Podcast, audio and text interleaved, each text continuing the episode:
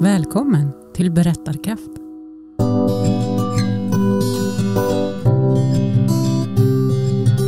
Du lyssnar till Berättarkraft, en podd från Nordiskt berättarcentrum, en del av Västerbottensteatern i Skellefteå. Jag heter Lillemor. Och jag heter Teresa.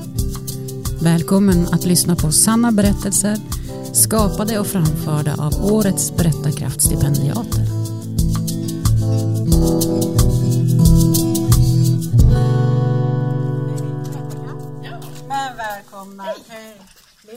Maria-Lise.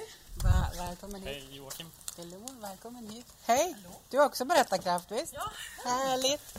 Kliv på. Välkommen. Men du Lillemor, du har ju jobbat med berättarkraft ända sedan det startade. Om du skulle beskriva, vad är berättarkraft? Berättarkraft är ett projekt som vi driver för att uppmuntra och utveckla berättandet i Västerbotten. Enkelt sett kan vi väl säga att det handlar om att fler ska vilja berätta mer. Så. Hur går det till då, Teresa? Ska du dra det? Mm. Jo, men så här går det till. Om du vill vara med i Berättarkraft så söker man till oss genom att skriva ett personligt brev där man då beskriver på vilket sätt man skulle vilja närma sig det här temat som är då satt för året. Och sen så väljer vi ut mellan sex till åtta deltagare som är med. Och då får de sen vara med om två workshopshelger tillsammans med oss. Där den första den behandlar lite grann vadet, alltså vad är det jag ska berätta. Och den andra helgen den handlar då om hur kan jag berätta det. Och sen naturligtvis så avslutas ju det här då med en final där alla deltagarna får kliva upp på den stora scenen under Berättarfestivalen i Skellefteå. Varje år, vecka 42. Mm. Och så får man berätta inför en väldigt stor publik. Och det är ganska häftigt. Ja, det är. Faktiskt. Nästan alltid fullsatt. Berättarkraft har funnits i 13 år så det är väldigt många berättelser som vår publik har fått höra under de här åren.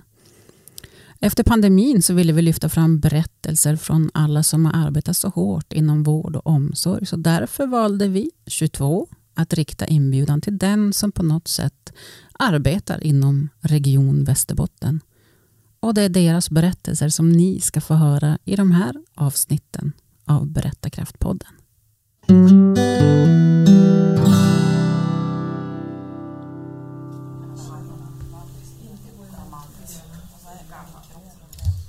Och där är det gått tio minuter. Oj, oj, oj, oj. Det här är för långt.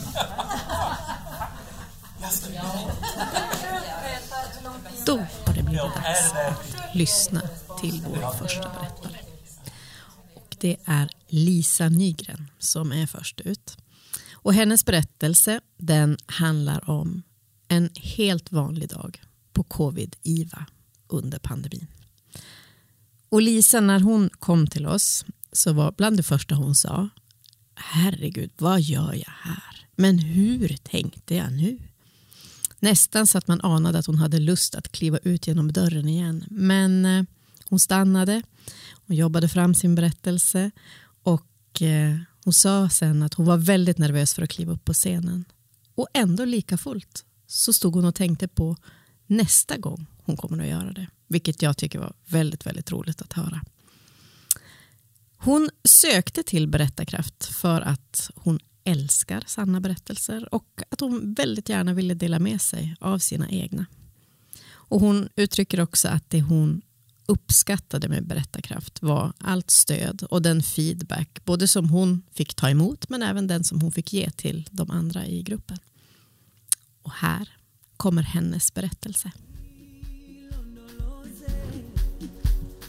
2019 fick vi veta genom radio, tv och tidningar att ett virus hade börjat eh, sprida sig i Wuhan i Kina. Ett dödligt virus. Och det var så långt borta i Kina så att det fanns ingen tanke på att det kanske skulle komma till oss. Men inom några veckor så hade det här viruset blivit en pandemi. Och sjukdomen kallades då för covid-19. Då började ju hela cirkusen för oss här i Sverige. Vi skulle hålla avstånd, vi skulle använda munskydd, vi skulle använda handskar. Vi fick inte träffas i stora grupper. Eh, det blev inställt teatrar, biograferna fick stänga. Ja, man fick nästan inte göra någonting, till och med hockeyn blev inställd. Och det var ingen på den tiden som ens pratade om något vaccin. Utan man försökte skydda sig så gott man kunde. Det blev totalförbud på sjukhusen för besök och även inom äldreomsorgen. Jag jobbar på intensivvårdsavdelningen på covidavdelningen. Och där börjar man all, varje arbetspass med att klä sig i förklä och handskar eller en hel overall i plast. Man hade också eh, en operationsmössa på. Man hade även en gasmask, en skyddsmask S90 som vi kallar det för. Och den satt, ja, alldeles väldigt tajt i ansiktet. Och så fort man hade tagit på sig alla sina kläder så började man känna hur svetten började lacka på en gång. Vi fick sätta namn på våra kläder för att vi skulle känna igen våra arbetskamrater i, i, på avdelningen, vem vi pratade med. Inne på avdelningen, så, på covidavdelningen, så låg det fem stycken patienter i varsin säng med varsin respirator som, som eh, höll igång deras andning. Vi skötte om de patienterna så gott vi kunde med den personal vi hade. Och det enda som ibland bara hördes i salen det var respiratorerna som pyste psh, för att hålla igång andningen hos patienterna. Eh, vi skötte om dem, vi bäddade åt dem, vi tvättade dem, vi sög bort slem ur mun, ur tuben i halsen, ur näsa. Vi tvättade patienterna, vi bäddade, vi bytte sängkläder. Vi tömde kisset varje timme och mätte det. Deras vitalparametrar höll vi ordning på hela tiden, dygnet runt. Varje timme, varje minut och varje sekund. Den här dagen så kommer det en patient från medicinavdelningen. En covid-sjuk man som hade blivit sämre under natten. Han rullades in och han var upprörd och han var arg och han var ledsen och han var fruktansvärt trött. Så han frågade den långa narkosläkaren, men vad i fridens dagar, är inte det ett sjukhus, ge mig medicin. Ni har väl medicin till coronan? Eh, visst är det ett sjukhus? Ja, sa den långa narkosläkaren. Ja, det är det. Men det enda vi kan hjälpa dig med, det är att hjälpa dina lungor att klara det här. Vi vill söva ner dig och vi vill att dina lungor ska återhämta sig medan du sover. Ja, är det enda valet? Ja, det är enda valet. Annars riskerar du att dö. Då funderade han en liten stund och så sa han, jag måste få ringa. Och medan vi gjorde i ordning för intubation och näsövning så fick han låna telefonen och ringa. Och han fick verkligen kämpa för att samla krafterna innan samtalet. Så han pratade med sin fru och så sa han, men du, betala räkningarna. De ligger längst upp i byrålådan. Du har betaldosan bredvid. Och så vill jag att du städar hela lägenheten och att du renbäddar.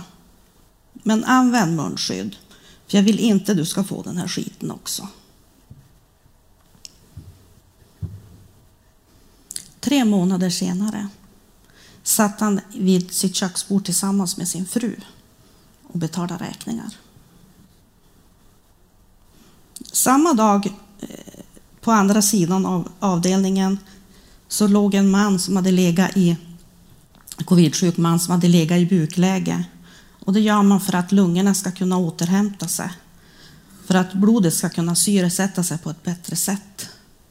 Man hade vänt han på rygg igen för att han hade blivit sämre.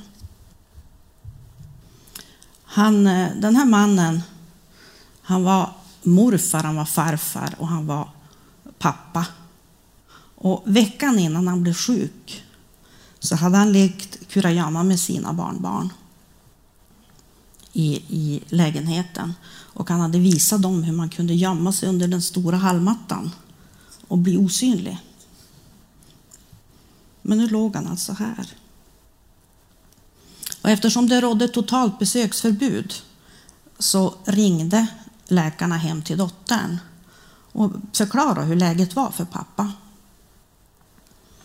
Och eh, hon ville att eh, vi skulle lägga telefonluren bredvid hans öra där han låg. Och vi gjorde det. Och hon spelade hans favoritmusik, jazzmusik som han älskade. Och dottern berättade också att barnbarnen hade gjort fina färgglada teckningar till, till morfar som han skulle få nästa gång de skulle träffas. Och eh, han somnade in. När vi stängde respiratorn så fick han somna in till As time goes by.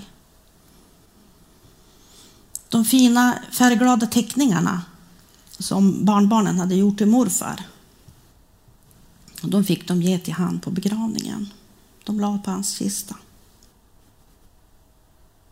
Att sen komma ut från en covidavdelning kräver också sin man. Du ska ta bort skyddsutrustningen på rätt sätt, i rätt ordning för att inte sprida vidare viruset. Du tar av dig först eh, din skyddsoverall eller förkläde och dina handskar och spritar händerna. Och så sen tar du en tvättlapp med sprit och tvättar gas, gasmasken så att säga. Sen tar du av dig den igen och så torkar du invändigt. Och så spritar du händerna igen och tar av dig operationsmössan och spritar händerna. Sen finns en balja med eh, sprit, så här djupt ungefär, där du ska kliva in i och för att tvätta skosulorna för att inte sprida vidare viruset. Och sen se sig själv i spegeln efter det, då man har haft en gasmask, så har man märken i pannan och på kinderna och överallt och håret ser ut som hej, kom och hjälp mig. Eh, men att sen gå ut i korridoren och känna luften och känna friheten att inte behöva vara i den här munderingen. Det är skönt. Och sen kunna dricka vatten och gå på toan som man vill. Det är också, det är också trevligt. Eh, att komma in i fikarummet sen och bli eh, överraskad av företag som har skänkt oss matlådor, pizza och fika. Det är helt fantastiskt. Det var väldigt uppskattat. Till och med en dam, en äldre dam som hade jobbat inom vården tidigare hade skänkt oss en rulle med Bragokex och en påse med kungen av Danmark. Och det var också uppskattat. Jag är så sjukt stolt över att jag har fått vara med tillsammans med mina arbetskamrater och kämpat med pandemin. Jag är även eh, stolt över arbetsledningen som var helt schysst på den, på den fronten också.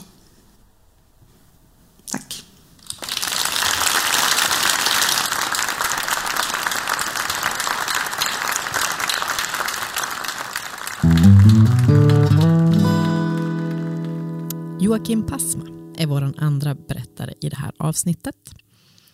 När Joakim kom till Berättarkraft så hade han bara en, en ganska vag uppfattning om vad det var han ville berätta. Men han uttrycker det så att genom de olika workshopparna han gick på tillsammans med oss så fick han de verktyg som han behövde. Att berättelsen liksom mejslades ut. Han jobbar som bibliotekarie på sjukhusbiblioteket i Umeå. Och, eh, hans berättelse den handlar om hur han hamnade där och hur pandemin påverkade honom i det dagliga arbetet. Han beskriver också att eh, han har repeterat den här berättelsen många gånger. Hans fru fick fungera som bollplank och hon lyssnade otaliga gånger och gav honom sitt stöd där under hösten 2022. Det Joakim minns mest av Berättarkraft det är själva resan tillsammans med gruppen och den utveckling som alla fick gå igenom. Och så minns han också den där känslan strax innan att gå upp på scenen. Här kommer Joakims berättelse. Hur hamnade jag här? Hur blev jag någon sorts halvnomad som vuxen? Ständiga flyttar hit och dit. Nya jobb, nya bostäder, nya bekantskaper. Det är december 2019 och jag ligger i nattåget på väg upp till Umeå från södra Sverige. Jag ska dit på en anställningsintervju på sjukhusbiblioteket Alva Kultur. Och jag ligger där i tåget jag kan inte somna. Jag som har kunnat sova var som helst, när som helst. På stationsgolvet i Calcutta eller i minibussar åkandes längs med slingriga vägar i Georgien. Men nu kan jag inte sova. Jag ligger där och grubblar. Jag börjar fundera på hur många olika adresser har jag bott på? Hur många olika yrken har jag provat på? Mina tankar går till den där sommardagen då jag nyligen hemkommen från volontärarbete i Zimbabwe var inne på Stockholms stadsbibliotek. Och jag fick känslan att bibliotek, här ska jag trivas. Jag har alltid tyckt om litteratur och kultur i alla former. Och möta människor är bland det bästa jag vet. Och att få vara en sorts försäljare utan att sälja något, utan att låna ut det istället. Det kanske skulle vara någonting för mig. Det hade gått så pass långt att jag vid en spelkväll i studentkorridoren blev anklagad av min granne Oskar att du läser ju bara en massa grundkurser för att vinna i frågesportspelet Trivial Pursuit. Så att, eh, ja, det kanske var dags att knyta ihop den här utbildningssäcken. Tåget fortsätter genom ett allt vintrigare Sverige. Jag ligger där på min favoritplats, den nedersta slafen i sexbäddskupén. Jag hör det orytmiska snarkandet från mina medpassagerare. Ibland så dunkar rälsen till och tåget kränger lite hit och dit. Men jag kan inte sova. Jag börjar tänka på mitt första jobb som bibliotekarie. Det var i Sollefteå. Det var vår och en av mina första dagar skulle jag besöka Rödsta lågstadieskola. Jag hade fjärilar i magen. Jag hade inte varit ute så mycket i skola tidigare. Och mitt första stopp var förskoleklass. Jag kommer in i klassrummet. Barnen har just haft förmiddagsrast. Jag ser hur de sitter där och vänder och vrider sig lite grann på sina stolar med sina nyfikna blickar och tittar på vem är han? Vad vill han? Och eh, jag väntar tills det blir tyst och stilla i klassrummet. Och så säger jag Hej, jag heter Joakim. En pojke med pigga ögon räcker snabbt upp handen och säger Min pappa heter kanske Joakim. Och hela klassen börjar skratta. Och jag ser ju att vad jag antar är hans bästa kompis nickar och säger jo, han heter Joakim. Och när skrattet har lagt sig är mina fjärilar som bortflugna och jag kan börja med det jag kom dit för. Nu är det inte många timmar kvar innan tåget är framme i Umeå och jag måste verkligen sova. Det här jobbet är ju något som jag verkligen vill ha. Tänk om jag med mina många år inom vården i olika former, avbrutna sjuksköterskestudier, tänk om jag skulle få ett jobb där jag har ett ben i vården och ett ben i kulturen. Nu måste jag verkligen sova. Och till slut så somnar jag. Det är sommaren 2020. Huset är sålt. Flyttlasset har gått. Min fru och mina barn är hemma hos mina svärföräldrar i Tyskland. Och jag sitter där i sjukhusbiblioteket ensam. Mina kollegor har semester. Dörrarna är låsta. Biblioteket är stängt sedan en tid tillbaka. Sjukhuset är inte någon plats som ja, någon vill eller knappt får besöka i dessa tider. Och bibliotekets stora fönstervägg som vetter ut mot korridoren mellan centralhallen och norra entrén, där i vanliga fall är en strid ström av människor, påminner nu mer om ett misskött akvarium där någon enstaka fisk simmar förbi rutan. Jag har ingen direkt kontakt med låntagare. Ibland så kommer det någon personal med mask och knackar på dörren. Jag tar snabbt på min egen mask, öppnar dörren lite grann på glänt och skickar ut en bok, byter några ord. Jag skickar böcker med post, internpost. Ibland har jag ett avtalat möte nere på Östra station med låntagare. Jag tar med en påse med böcker, går ner till Östra station, tittar mig omkring. Är det någon som väntar på mig här? Ja, där. Går fram, lägger ner en påse med böcker, backar några steg, ser hur låntagaren tar påsen. Vi nickar till varandra till avsked. Och sen, det var det. Det var inte riktigt det här jag hade föreställt mig med det nya jobbet. Men nu så är det hösten 2022. Det är sen torsdag eftermiddag. De senaste veckorna har vi haft några fullsatta författarbesök. Vi har haft regelbundet vernissage i konstgalleriet. Bara en stund tidigare har jag varit uppe på barnklinik, avdelning 2 och 3 med bokvagnen. Lånat ut några pekböcker, bilderböcker, till och med några kapitelböcker till några tonåringar som ligger där. Och tidskrifter till föräldrar. Det är alltid skönt att kunna skänka lite glädje och förstå, förströelse i deras tillvaro. Tidigare på förmiddagen hade vi en workshop för ungdomar som behandlar sin cancer. Och jag blev väldigt rörd när jag hörde två flickor som småpratade med varandra medan de höll på att handarbeta. Och den ena sa till den andra att du, när du hade hår, vilken färg på håret hade du då? Efter lunch så kom en av våra stammisar in, Bengt från Robertsfors. Han som är både vemod men glimten i ögat också. Hade sagt till mig en tid innan att med mig kommer du få dras med resten av mitt liv. Han är kroniskt sjuk och behöver besöka sjukhuset en vecka varje månad för behandling. Jag sitter där, tittar mig runt i biblioteket. Jag ser Andersson läsande Dagens Nyheter. Hon ler lite grann. Säkert någon snillrik formulering av någon krönikör som hon gläds över. Jag ser Pettersson stå borta vid spänningshyllan med en bok i vardera hand, läsandes på baksidorna. Undrar vilken det kommer bli idag. Och i det avskilda hörnet på soffan, där sitter Lundström och dåsar till lite grann. Det har varit mycket på sistone. Och nu väntar han på ett samtal från uppvak där hans fru är. Och jag sitter där på stolen bakom informationsdisken och tänker att jag tror jag har hamnat rätt. Tack.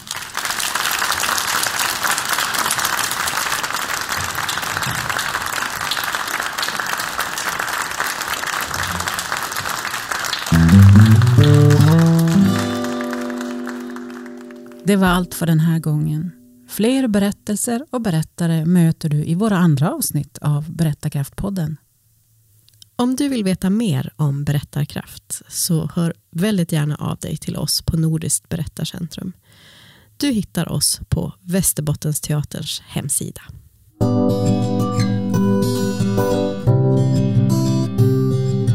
Ett stort och stolt tack vill vi säga till alla stipendiater i Berättarkraft. Tack för all möda och kärlek som ni har lagt ner på era berättelser och för ert mod att kliva upp på en scen och dela allting med en publik. Tack till Anna Speak för all feedback, klippning, editering, mixning och musik. Och Skelleftekraft, tack för att ni gör det möjligt för oss att arbeta med berättarkraft och dela allting i den här podden. Men till sist, en berättelse behöver en lyssnare, så tack till dig som har lyssnat på Berättarkraftpodden.